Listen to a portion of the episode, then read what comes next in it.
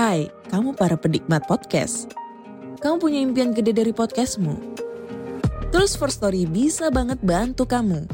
Mulai dari F-Link, Dynamic Audio Insertion, sampai statistik yang komprehensif. Semua ada di First Story. Gak ketinggalan kamu bisa monetisasi podcastmu lewat iklan dari First Story Ads yang bisa kasih kamu penghasilan dari setiap place podcastmu.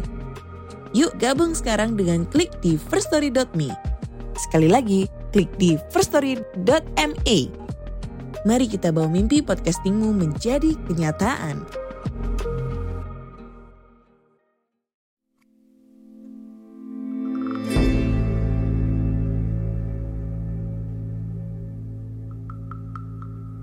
Assalamualaikum warahmatullahi wabarakatuh. Jumpa lagi di Nyeritain Horor Podcast. Seperti biasa, pada kesempatan kali ini aku akan menceritakan kisah horor yang sudah dikirimkan oleh teman-teman kita. Dan tentunya, setiap kisahnya akan membuat bulu kuduk merinding. Sebelum mulai cerita, aku mau ngucapin terima kasih buat teman-teman yang udah follow podcast ini dan setia mendengarkan setiap kisah dari Nyeritain Horor. Seperti apa kisahnya? Stay tune.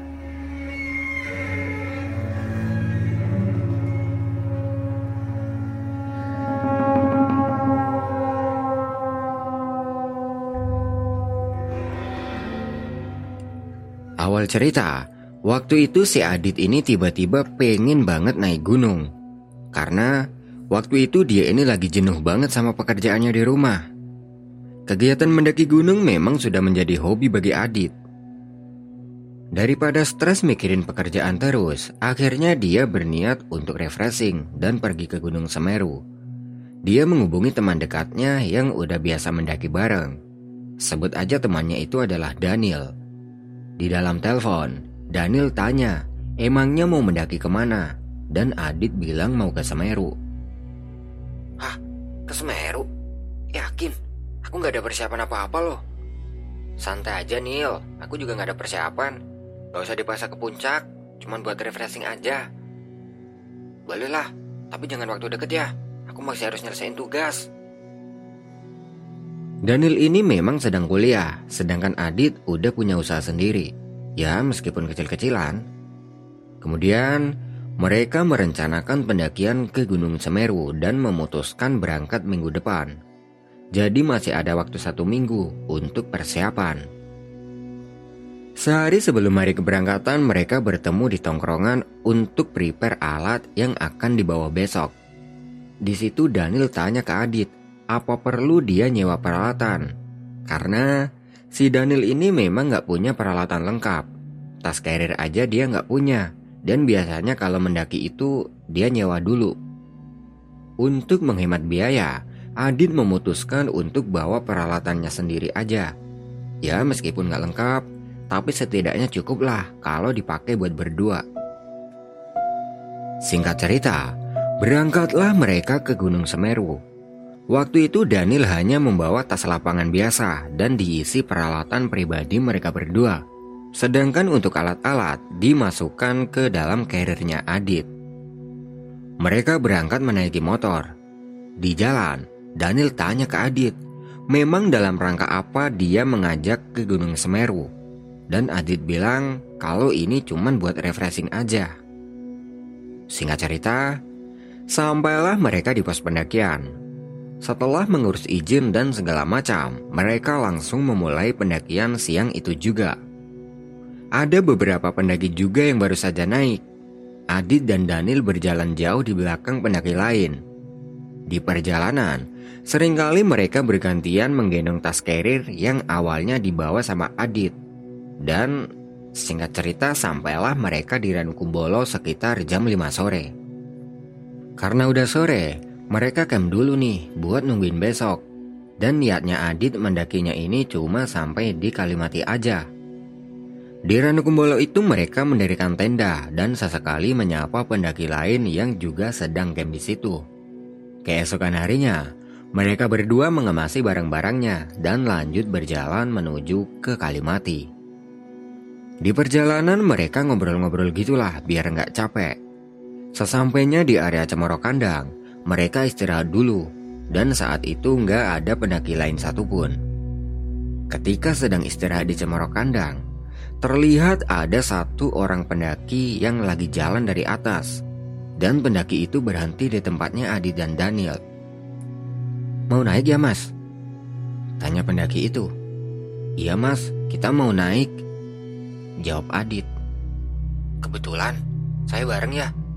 Lah, bukannya udah mau turun? Belum, saya sendirian, jadi nggak berani. Oh yaudah, kalau gitu bareng kita aja mas. Di sini, Adit merasa curiga sama pendaki itu. Karena dari cara dia ngomong itu datar banget dan tatapannya seperti kosong. Pendaki itu duduknya cukup jauh dari Adi dan Daniel. Monggo mas, ini ada cemilan. Masih dengan nada datar, pendaki itu menjawab. Injih mas, suwun, kulon pun warak. Ya makasih, saya udah kenyang. Dilihat dari cara dia ngomong, kayaknya pendaki ini sopan banget. Dia selalu pakai kerama inggil atau bahasa Jawa halus. Adit tanya nih ke pendaki itu. Oh iya mas, sampean namanya siapa? Ya biar lebih akrab gitu kalau tanya namanya. Kulo Rizky mas. Oh mas Rizky, kulo Adit dan ini Daniel. Sampean dari mana? Dari Jogja. Adit mikir. Oh pantasan kalau ngomong pakai bahasa Jawa halus. Soalnya dia kan orang Jogja. Mendaki itu diam aja dan selalu melihat ke bawah. Mukanya datar, dan sejak ketemu tadi, dia nggak ada senyum sama sekali. Daniel berbisik.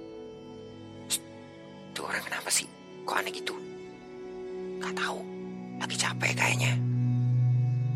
Setelah makan-makan cemilan, Adi dan Daniel melanjutkan perjalanan dan tidak lupa ngajakin Rizky tadi. Monggo mas, kita lanjut jalan lagi.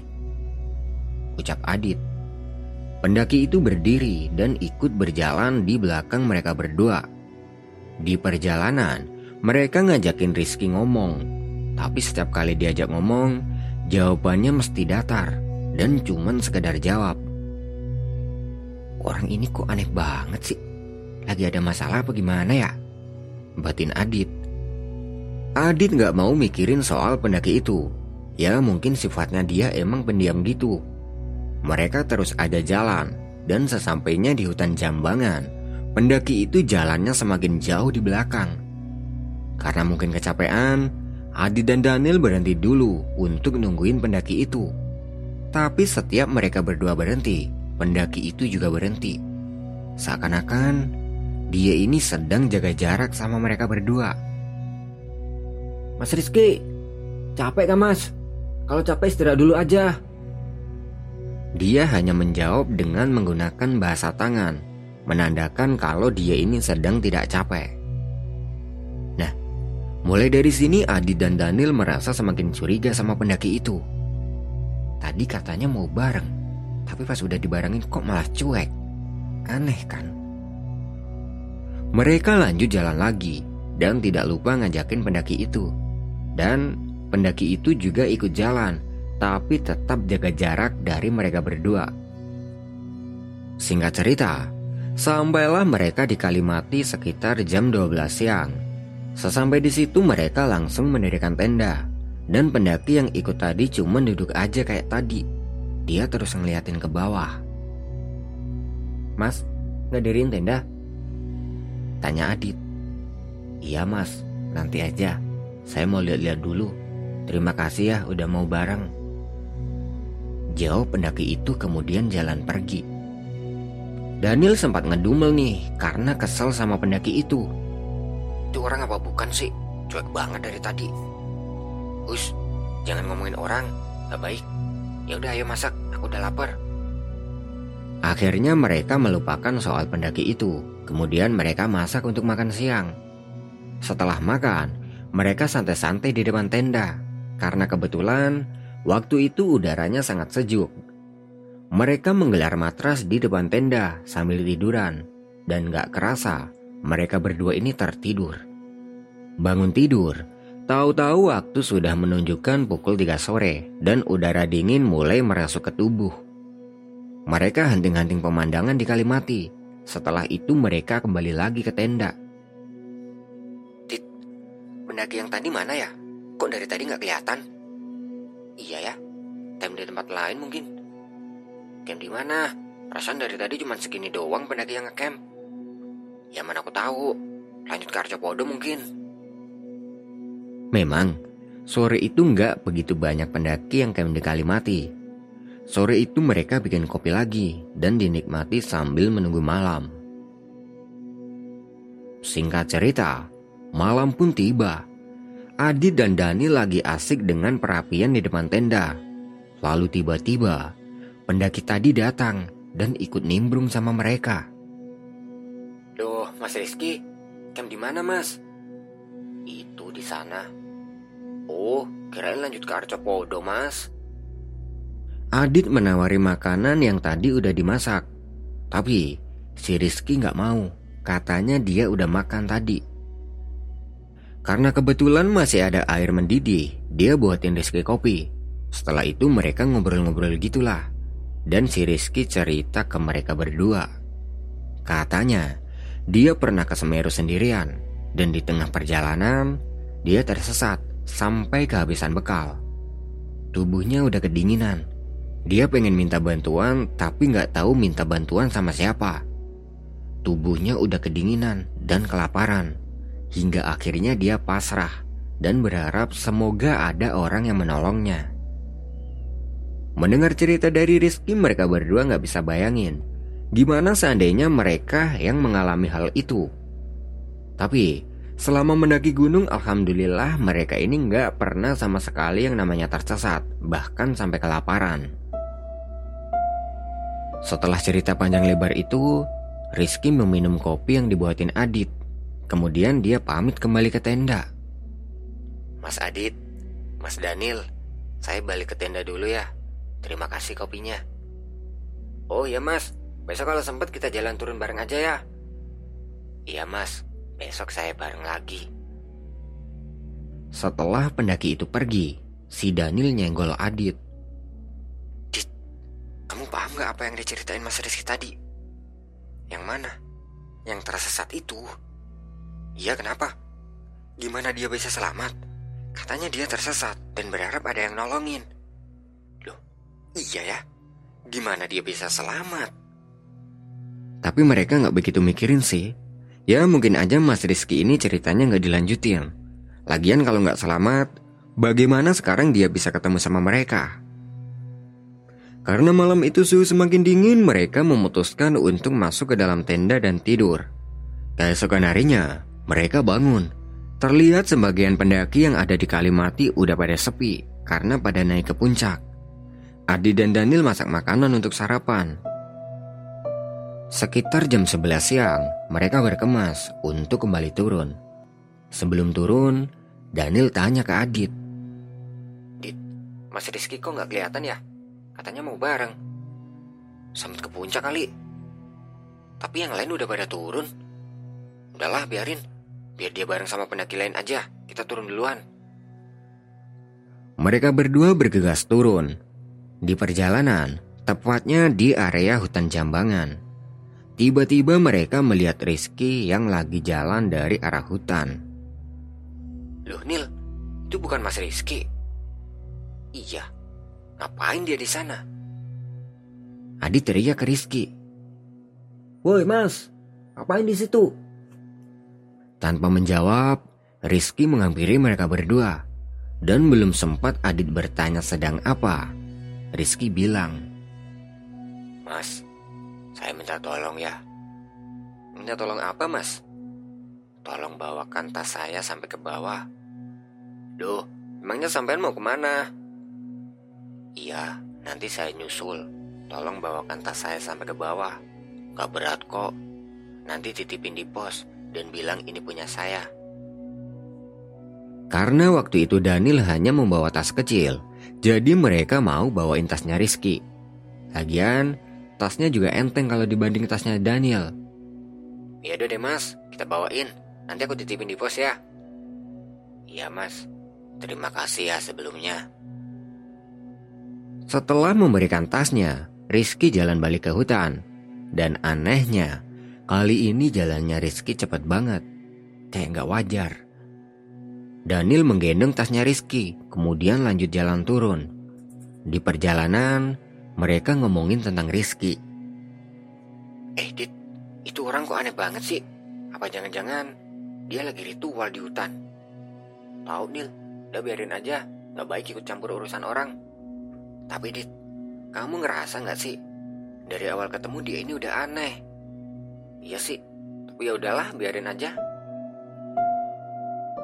Singkat cerita, sampailah mereka di Rankumbolo. Di sini mereka berhenti sebentar untuk bikin kopi. Setelah itu perjalanan dilanjutkan menuju ke pos. Daniel membawa tasnya Rizky sepanjang perjalanan. Dan sesampai di pos, mereka memberikan tas itu ke petugas yang lagi jaga, sekalian izin turun. Adit yang memberikan tas itu dan bilang kalau ini milik Rizky, pendaki asal Jogja. Kalau udah turun nanti katanya mau diambil ke sini. Setelah semua itu udah selesai, mereka berdua bergegas kembali pulang. Nah, sekitar dua hari setelah pendakian ke Gunung Semeru itu, tiba-tiba HP-nya Adit dapat telepon dari nomor yang gak dikenal. Setelah diangkat, Ternyata yang telepon itu adalah petugas dari pos pendakian Gunung Semeru. Di dalam telepon, petugas itu tanya, Mas Adit, kita mau tanya tentang tas yang tempo hari dititipin ke pos. Mas nemu tas itu di mana? Nggak nemu pak, itu saya dititipin sama pendaki asal Jogja. Sampean ketemu sama pendaki itu di mana? Iya, kebetulan waktu itu kita nanjak bareng sampai Kalimati. Emangnya kenapa ya pak? Jadi gini mas, kita mau ngasih tahu, tapi kayaknya bakal panjang kalau lewat telepon. Bisa nggak Mas Adit datang ke pos? Sekalian kita butuh bantuan Mas Adit. Dari percakapan itu, Adit udah mikir ke mana-mana. Dia mempunyai firasat kalau terjadi sesuatu sama pendaki asal Jogja itu. Karena kebetulan hari itu Adit sedang gak ada kerjaan, dia mau datang ke sana. Lagi pula, Jarak dari rumahnya Adit ke pos itu nggak terlalu jauh. Dia menghubungi Daniel untuk diajak, dan kebetulan banget hari itu Daniel juga lagi nggak ada kesibukan. Hingga akhirnya berangkatlah mereka ke sana. Sesampai di sana, dia langsung menuju ke pos dan mereka dipersilakan duduk di dalam. Nah, di sini petugas memberitahu tentang tujuannya meminta mereka berdua kemari. Bahwasanya Pendaki yang bernama Rizky ini belum turun sejak pendakiannya tujuh hari yang lalu. Spontan, mereka berdua kaget dong. Kalau tujuh hari belum turun, berarti dia mendakinya udah jauh sebelum mereka naik. Secara, dua hari yang lalu Adi dan Daniel ini baru aja pulang. Menurut petugas sih gitu. Karena udah tujuh hari nggak ada laporan turun, jadi pihak yang bersangkutan berencana mencari pendaki itu. Takutnya terjadi sesuatu yang gak diinginkan. Dan berhubung yang pernah melihat keberadaan pendaki itu adalah Adi dan Daniel, jadi petugas minta tolong ke mereka untuk ikut. Tanpa keberatan, Adi dan Daniel mau ikut. Dan karena waktu itu dia nggak bawa perlengkapan gunung, jadi mereka dipinjemin. Berangkatlah mereka naik. Di sepanjang perjalanan, Adi dan Daniel menceritakan pertemuannya dengan Rizky hingga akhirnya dia nitipin tas ini. Singkat cerita, sampailah mereka di tempat di mana Rizky pernah nitipin tas ke mereka berdua. Adit memberitahukan kalau setelah nitipin tas itu, Rizky jalan menuju ke hutan sana. Dengan cepat, tiga orang masuk ke hutan itu, sedangkan yang lain menyisir area sini. Beberapa saat ketika sedang pencarian, tiga orang yang masuk ke hutan tadi teriak. Katanya dia menemukan Rizky. Semua orang langsung menuju ke sana, dan ternyata Rizky ditemukan dalam keadaan yang memprihatinkan. Seluruh badannya kotor, pucat, dan tubuhnya lemas. Peralatan masak tercecer di dekat tenda, dan menurut tim penyelamat, Rizky masih ada kemungkinan hidup. Tim penyelamat langsung menandu Rizky turun. Sesampai di base camp, Rizky langsung dilarikan ke rumah sakit terdekat agar mendapat pengobatan dan pihak base camp berusaha menghubungi pihak keluarganya. Pihak pos mengucapkan terima kasih banyak pada Adi dan Daniel karena sudah mau membantu pencarian. Menurut tim menolong, Rizky ini sempat tersesat lima hari yang lalu dan kehabisan bekal. Entah tersesatnya itu karena apa. Setelah semuanya sudah selesai, Adi dan Daniel kembali pulang. Sebelum sampai rumah, mereka berdua ini mampir ngopi dulu sambil membahas tentang Rizky yang penuh dengan kejanggalan. Menurut pihak pos, Rizky ini sudah mendaki sejak tujuh hari yang lalu, sedangkan mereka mendaki ke Semeru itu memakan waktu dua hari. Dua hari yang setelahnya mereka datang lagi buat nyariin Rizky. Berarti Rizky ini udah mendaki ke Semeru tiga hari sebelum mereka dong. Terus, tiga hari itu dia ngapain aja? Itu kejanggalan pertama. Kejanggalan keduanya, kenapa waktu itu Rizky nggak ikut turun aja, malah nitipin tas ke mereka? Atau mungkin Rizky yang sama mereka waktu itu bukan Rizky yang sebenarnya. Karena menurut tim yang bersangkutan, tersesatnya Rizky ini kemungkinan udah lima hari yang lalu. Di sisi lain, sejak bertemu dengan mereka itu Rizky ini gerak-geriknya juga sangat aneh. Dari cara ngomongnya aja, dia ini udah datar banget. Dan kalau diajak ngomong dia mesti natap ke bawah. Tapi entahlah, Apa pun yang terjadi sama Rizky semoga bisa teratasi oleh tim yang bersangkutan dan semoga tidak terjadi hal buruk yang menimpa dirinya.